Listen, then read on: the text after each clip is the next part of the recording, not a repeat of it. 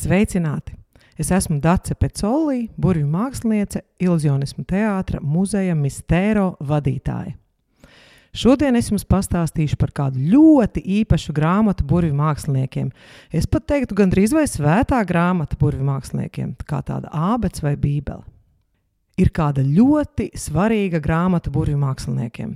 Netipiski Bet nosaukums uz tās grāmatas ir rakstīts Discovery of Witchcraft, kas latviešu valodā ir raganu zinību noslēpumi vai atklājumi.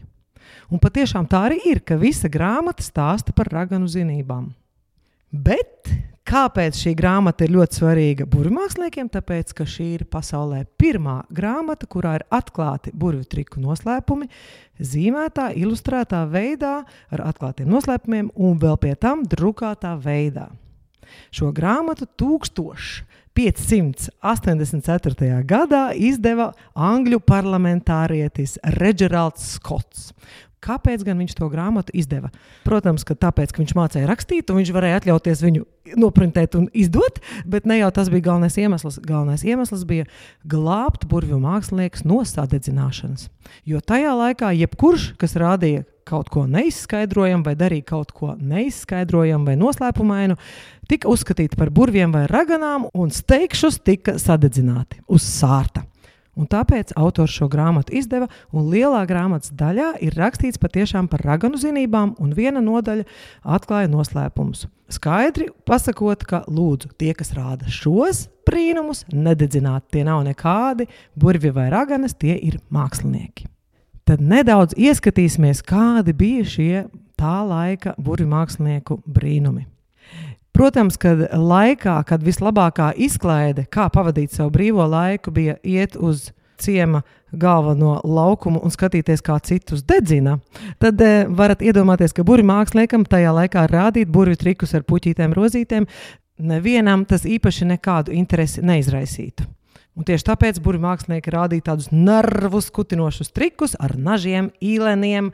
E, viņi sev caurdūra degunu, pēc tam vēra striķi cauri, viņi sev griez līdz pusē rokā. Viņi arī ar īlenu sev dūra mēlē, kā arī uz pusēm grieza mēlē ar nāzi. Un citi šaušalīgi triki. Bet viņi toties bija efektīvi, un mākslinieks par savu priekšnesumu saņēma naudu. Burbuļu mākslinieks visbiežāk uzstājās pilsētas galvenajos laukumos, tuvu tirgus laukumam. Otra tēma, par kuru viņi rādīja burbuļu trikus tajā laikā, bija ēdiens. Jo, protams, arī ēdiens bija aktuāla tēma, jo ne visiem viņa pietika. Tad, kad skatītājs redz, ka burbuļu mākslinieks pēkšņi no tukšiem traukiem uzbūr apelsīnus un mandarīnus un augļus, un no tukšiem traukiem uzbūr viņus piepildītus pilnus ar rīsiem, protams, kad šādas burbuļu mākas visi gribēja arī lai viņiem tādas būtu. Un tāpēc viņi sajūsmā par to aplaudēja.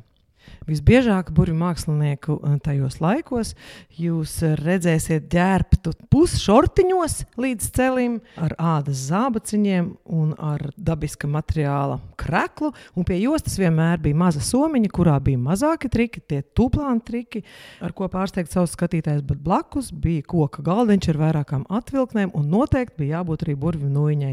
Jo kādi gan brīnumi bez burbuļu nūjiņas?